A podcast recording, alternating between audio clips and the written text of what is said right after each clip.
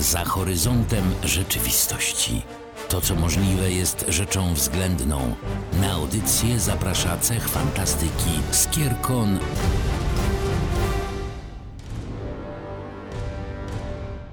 W kolejne niedzielne popołudnie witamy Was w jeszcze innym uniwersum portalowym. Tu Aurelion. I Katris, cześć. Dzisiaj będziemy omawiali historię oryginalną, która wzięła swój początek w relatywnie niedalekiej przeszłości. I jest mi bardzo miło, że to właśnie z Tobą będziemy rozmawiać o największym dziecku Antoine de Saint-Exupéry. Jak Ty to pięknie przeczytałeś! A ja już myślałam, że to nazwisko się nie pojawi ani razu w tym portalu, bo jest francuskie, więc wiadomo, że ciężkie do wymówienia, a ty tak świetnie sobie z tym poradziłeś. Jestem pod wrażeniem. To dlatego, że czasami moja wiedza lingwistyczna się przydaje i cieszę się, że to właśnie dzisiaj mogłem dać jej ujście. To co, zanim przejdziemy do właśnie Małego Księcia, może powiedzmy parę zdań o samym autorze, co? To ja nie powtórzę jego nazwiska. Pan Antoine był francuskim pilotem, pisarzem, który pochodził z rodziny arystokratycznej, był synem hrabiego. Jego tata zmarł, kiedy był małym dzieckiem, miał 4 latka i od tego czasu był wychowywany przez mamę i ciocię, u której to cioci mieszkali w zamku. Dość ciekawy początek życia. Tak, to musiało być ciężkie dzieciństwo mieszkać w zamku. Tak, mieszkać w zamku zdecydowanie. Nie zazdroszczę oczywiście straty rodzica, ale ten zamek tak na pewno był ciężkim przeżyciem.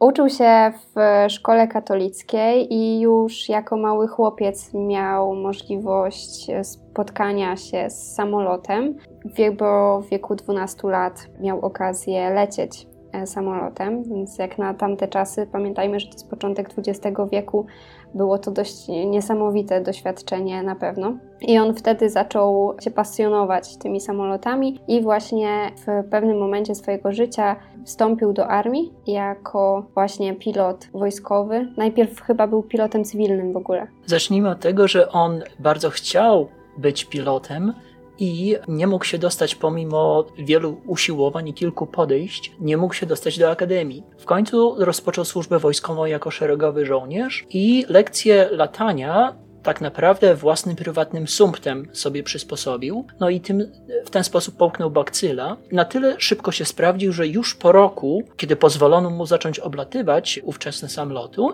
dostał e, w trybie przyspieszonym piękną licencję, wiesz, potężnego pilota i bardzo dobrze zapowiadającego się oblatywacza właśnie w, na potrzeby armii francuskiej. Ale jego przygody z lotnictwem były dość trudne, bo przeżył wiele różnych wypadków w trakcie tego. Jedna z takich katastrof zakończyła się również końcem jego kariery w, jako wojskowego pilota. I chyba wtedy, prawda, zaczął latać we francuskiej poczcie lotniczej. Nie tylko francuskiej. Obsługiwał fracht, chyba tak to się nazywa.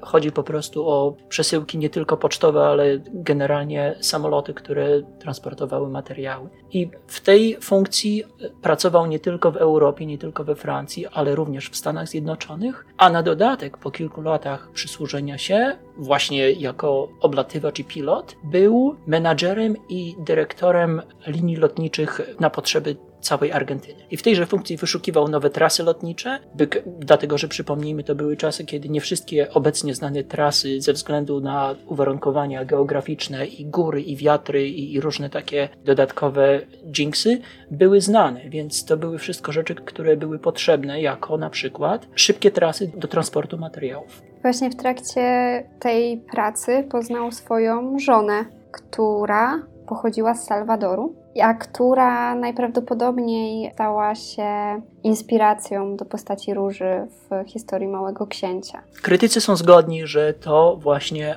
ona, owszem, stała za symbolem róży, stała za symbolem osoby o bardzo ciętym języku. Sam autor mówił o niej, że jest osobą o żmijowym języku, ale generalnie osoby, która pod płaszczykiem takich właśnie może twardych, może ostrych słów skrywała naprawdę głębokie serce, głębokie uczucie, o której to osobie jego inna kobieta, dlatego że de Saint-Exupéry był Francuzem z krwi i kości i tych podrywów miłosnych miał całą masę i jedna z jego takich miłostek w Stanach Zjednoczonych właśnie, która występuje w Małym Księciu pod postacią Lisa, zwróciła mu uwagę na to, że na niektóre związki, na niektóre relacje warto patrzeć głębiej niż tylko pod warstwą słów, że warto patrzeć, jakie czyny podążają za danymi słowami. No i okazuje się, że w przypadku jego pierwszej i jedynej żony, którą zostawiał i do której wracał, albo która do niego wracała również, to okazało się być jak najbardziej prawdziwe. Kiedy wspomniałeś o innej kobiecie z jego życia, myślałam, że mówisz o jego mamie, z którą podobno miał bardzo bliską relację i która była dla niego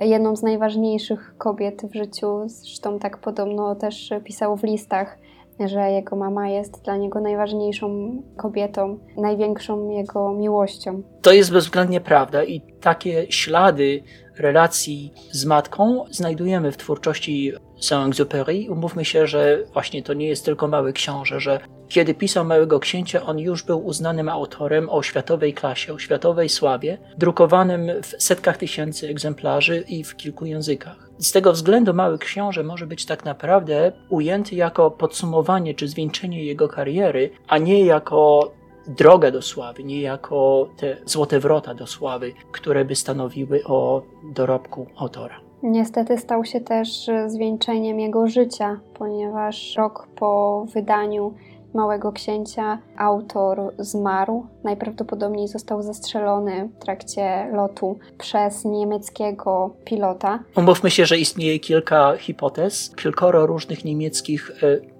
pilotów z Wehrmachtu przyznawało się do lub podnosiło e, jakoby zestrzelenie samolotu, którym nasz autor latał, ale istnie, istnieją hipotezy również odwrotne, mianowicie takie, że ze względu na obrażenia, których doznał we wcześniejszych lotach, w tym te wszystkie przygody z Sahary, które być może również zainspirowały Małego Księcia, pod koniec swojego życia, umówmy się, że mówimy o latach 40., był na tyle wycieńczony, miał na tyle zchorowany organizm, tyle złamań doświadczył, tyle upadków i katastrof doświadczył podczas swojej lotniczej kariery, że po prostu wymagał nawet pomocy, jak chodzi o wdziewanie kombinezonu lotniczego.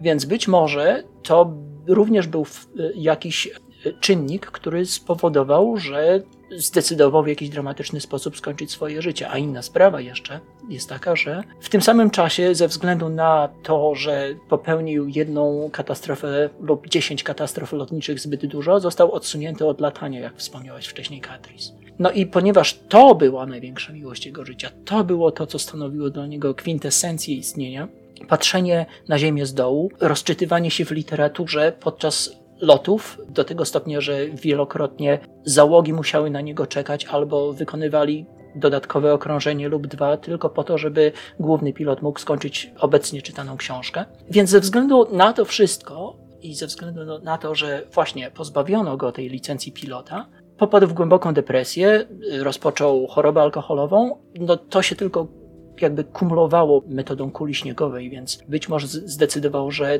ten lot, który zresztą odbył bez pozwolenia, pamiętnego lipca 1944 roku, być może wtedy zdecydował, że wystarczająco się przysłużył całemu światu. Zrobiło się bardzo smutno.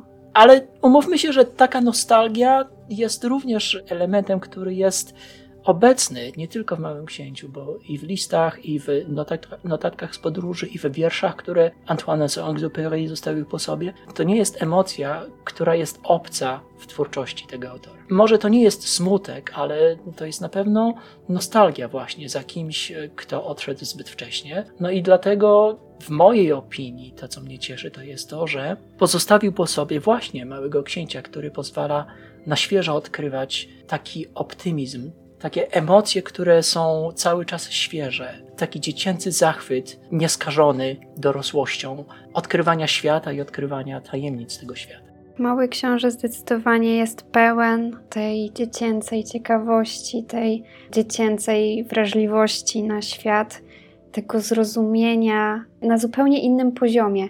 Rozumienia właśnie sercem, a nie tą stroną taką bardziej racjonalną, która charakteryzuje nas dorosłych. Więc rzeczywiście jest to bardzo optymistyczne i bardzo żywe, takie właśnie dziecięce patrzenie na świat. A z drugiej strony czytałam taką analizę tego tekstu, która mówiła o tym, że jest to próba pokazania tego, jak życie człowieka jest naturalnym dążeniem właśnie do tego nieuniknionego, do tego, co zakończyło całą historię Małego Księcia. Dążenie właśnie do, do końca takiego nieuniknionego naszego świata, że jest to gdzieś próba pogodzenia się z tym, że nasze życie w końcu musi się zakończyć w jakiś sposób. U Małego Księcia było to ugryzienie przez żmiję. Uwaga, spoiler alert. Spoiler. Ciężko spoilerować lekturę, słuchaj, szkolną. Za moich czasów to jeszcze nie była lektura szkolna, ale umówmy się, że przeczytałem Małego Księcia z przyjemnością wiele razy, chociażby po to, żeby właśnie na nowo zachwycać się tym, że nieustająco można odkrywać na nowo elementy życia, nieustająco można znajdywać swoje róże i swoje wulkany i swoje baobaby i swoich lisów i swoich śmieciarzy czy swoich pijaków. Także to były te elementy, które towarzyszyły mi owszem w dojrzewaniu, no bo sama książka też jest jakby takim odzieraniem tej dziecięcej ufności, tej, tego dziecięcego optymizmu i pokazywaniem, jak świat dorosłych wygląda, jak patrzymy na niego przez oczy dziecka. W tych wszystkich dorosłych wcieleniach, które mamy wokół siebie, już to w postaci właśnie biznesmenów, już to w postaci jakichś tam sprzątaczy, już to w postaciach wielu innych, które były przedstawione na tych siedmiu planetach, a siedem przecież jest magiczną liczbą, było nie było. To są te elementy, które powracają echami, jak chodzi o Małego Księcia, ile razy czytam. Pierwszy raz zetknęłam się z Małym Księciem właśnie jako z lekturą, kiedy byłam w gimnazjum. Teraz z perspektywy czasu uważam, że to zdecydowanie nie jest lektura dla 13-14-latków, bo tak z jednej strony, kiedy jesteśmy w tym okresie dojrzewania, w tym okresie buntu, w tym okresie przejścia z dzieciństwa w dorosłość, e, możemy dostrzec e, właśnie w tej historii to, co powiedziałeś, takie odkrywanie przez dziecko tego dorosłego życia, tego jak ten świat dorosłych jest w pewien sposób brutalny i nie jest już tak pełen wyobraźni jak świat dziecka.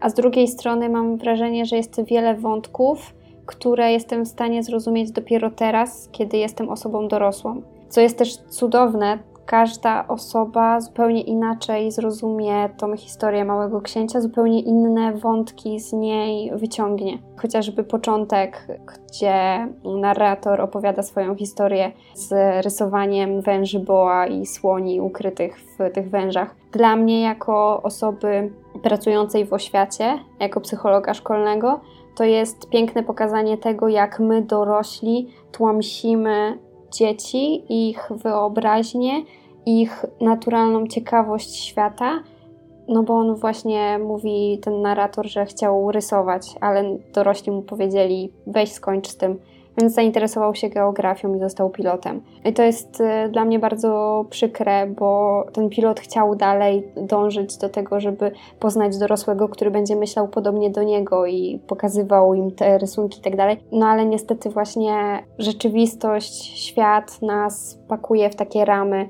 do których musimy się mm, dostosować. I to jest coś, co ja obecnie teraz wyniosłam z tego początku, który no, czytałam właśnie, przypominając sobie Małego Księcia ostatnio. Te motywy, o których wspomniałaś, taka samotna w sumie podróż przez życie, albo przyjaźnie, albo miłość, albo straty, które są nieodłączne w naszej życiowej podróży, to wydają się ważnymi lekcjami dla życia i być może lekcjami, które, zgadzam się, mogłyby być za wcześnie, jak chodzi o człowieka, który dopiero jest na przełomie wejścia w ten dorosły świat. Umówmy się, uwaga, cytat ważnych rzeczy. Tak jak wspomniałeś, ta historia ma wiele wątków, e, pojawia się kwestia miłości, nie tylko miłości romantycznej swoją drogą, ale też miłości takiej przyjacielskiej, o której mówi Lis, kiedy mówi o oswajaniu.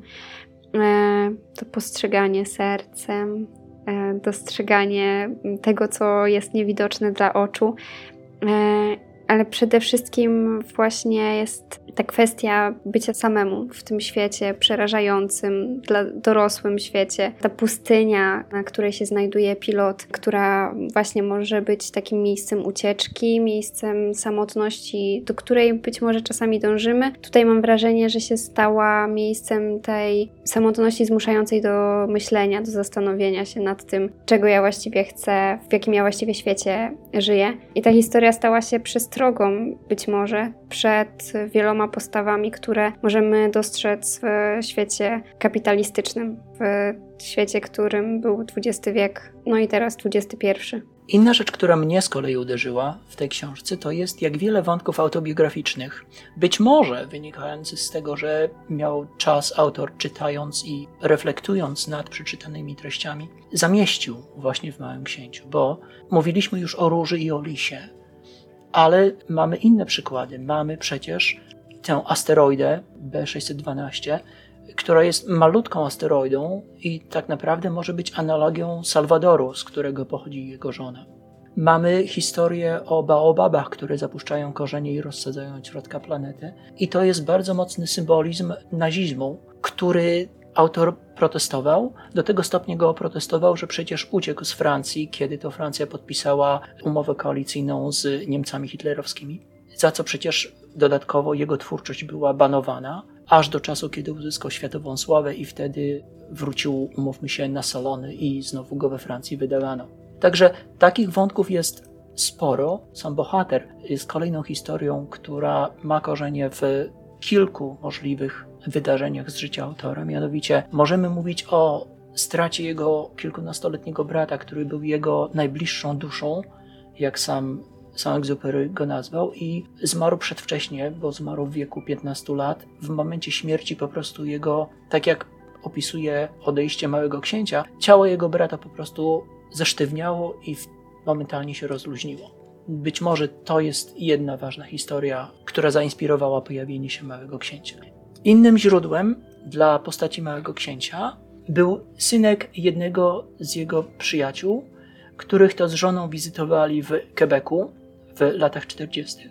Tenże synek był, umówmy się, dzieckiem geniuszem, ale właśnie wyglądał niemalże tak jak mały książę, z pięknymi złotymi lokami, z y, błękitnymi oczami i ze śmiechem, który się perliście rozpływał, kiedy chłopak się roześmiał.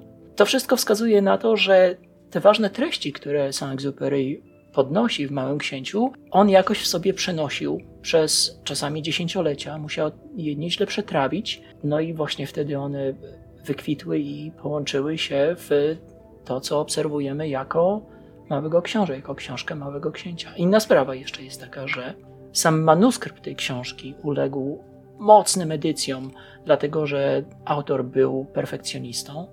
No i metoda jego pracy, swoją drogą ja nie mógłbym zacząć pisać o 11 w nocy z imbrykiem dobrej kawy, żeby podczas nocnej ciszy, kiedy wszyscy inni śpią, móc coś tworzyć, ale być może geniusze tak mają. Ponad dwie trzecie tekstu, wedle słów jego edytora, zostało wykreślonych. I do tego stopnia był autor perfekcjonistą, że z całej strony potrafił ocalić czasami dwa słowa, czasami jedno zdanie, i kolejna wersja, i kolejne obróbki, i kolejne upiększanie i robienie dzieła absolutnie perfekcyjnym. No i być może dlatego właśnie w Małym Księciu mamy historię, która jest jakby wydestylowana do absolutu niemalże, gdzie wiesz, nie ma jednego zbędnego słowa, gdzie nie ma jednej zbędnej historii, czy jednego zbędnego porównania. Ze względu na to wydaje mi się, że każde słowo jest tam na, niemalże na wagę złota. Zgadzam się i każda postać jest e, napisana po coś. Tam nie ma tak, że, że ktoś jest zbędny. Każda z tych postaci, która się pojawia w historii Małego Księcia, w historii pilota, uczy czegoś i Małego Księcia, i pilota, który też e, kończy tą historię bogatszy o różne spostrzeżenia i no też doświadczenie, które na pewno nie było łatwe. Dodajmy, że książkę przecież sam autor zilustrował. Także był człowiekiem na pewno wielu talentów. Ze względu na to chociażby warto tę książkę polecić. A jakby jeszcze było mało, doda na pewno pieprzu fakt, że to jest książka, która druga po Biblii została przetłumaczona na najwięcej języków na świecie. 300 języków i dialektów różnych? ponad 500. 500. Wow. Według ostatnich rachunków więcej niż 505 języków i dialektów. Według ostatnich rachunków ludzie posługujący się więcej niż 505 językami i dialektami mogą cieszyć się małym księciem. Więc chociażby ze względu na to uszanujmy klasę, no już światową, niemalże kosmiczną klasę tego, że Mały Książę istnieje w kilku planetach i zerknijmy do tego, jak maluje się róże, w jaki sposób baobaby mogą zapuszczać korzenie. Nie dziwota zatem, że Mały Książę inspirował i cały czas inspiruje, no bo trudno się oprzeć wrażeniu, że takie bardzo podstawowe, bardzo pryncypialne treści i tematy mogłyby nie zainspirować, mogłyby nie poruszyć dusz ludzi, którzy czytają tę książkę. No i ze względu na to mieliśmy całą masę różnego rodzaju manifestacji Małego Księcia na całym świecie niemalże, począwszy od placów zabaw, przez szkoły, przez ulice, przez wystawy, znaczki, odznaczenia wojskowe, które być może nie w czasie oddały cześć autorowi. Ba, przecież nawet w astronomii mamy przykłady odniesień do Małego Księcia, łącznie z nazwami asteroid, łącznie z nazwami małych księżyców, więc to są wszystko rzeczy, które podkreślają kosmiczną skalę tego zjawiska. I Mały Książę żyje cały czas. Niedawno całkiem, w 2015 chyba roku, ukazał się film Mały Książę, który właśnie przedstawia historię, którą znamy z książki. Z tego co pamiętam, została troszeczkę zmodyfikowana, ale wiadomo, że na potrzeby filmu czasami trzeba coś zmodyfikować. Więc bardzo się cieszę z tego, że kolejne pokolenia poznają tą historię w może trochę bardziej dostosowany mm, dla nich sposób, bo książka może nie być no właśnie tak jak powiedzieliśmy, odpowiednia dla młodzieży pod takim względem, że może trochę to jest za ciężkie, żeby zrozumieć wszystko to, co się tam w tej książce dzieje, pewne nawiązania, pewne wątki. Tak naprawdę zrozumiałam właśnie dopiero, kiedy stałam się osobą dorosłą i zaczęłam dostrzegać, jak bardzo jesteśmy zamknięci w schematach, w tym myśleniu racjonalnym. To jest coś, czego może młody odbiorca nie być w stanie zrozumieć ale przesłanie Lisa o tym patrzeniu sercem myślę, że jest y, ponadczasowe i ponad wiekiem odbiorcy. To jeszcze zawiążmy kokardkę na dzisiejszej audycji taką ciekawostką, że w trudnym czasie pandemii covidowej dzień 29 czerwca został ustanowiony Międzynarodowym Dniem Małego Księcia i uczyniono to w hołdzie Dnia Urodzin Autora. I w tymże dniu świętujemy i celebrujemy wartości humanistyczne tej książki, która była opublikowana uh, niemalże 80 lat temu.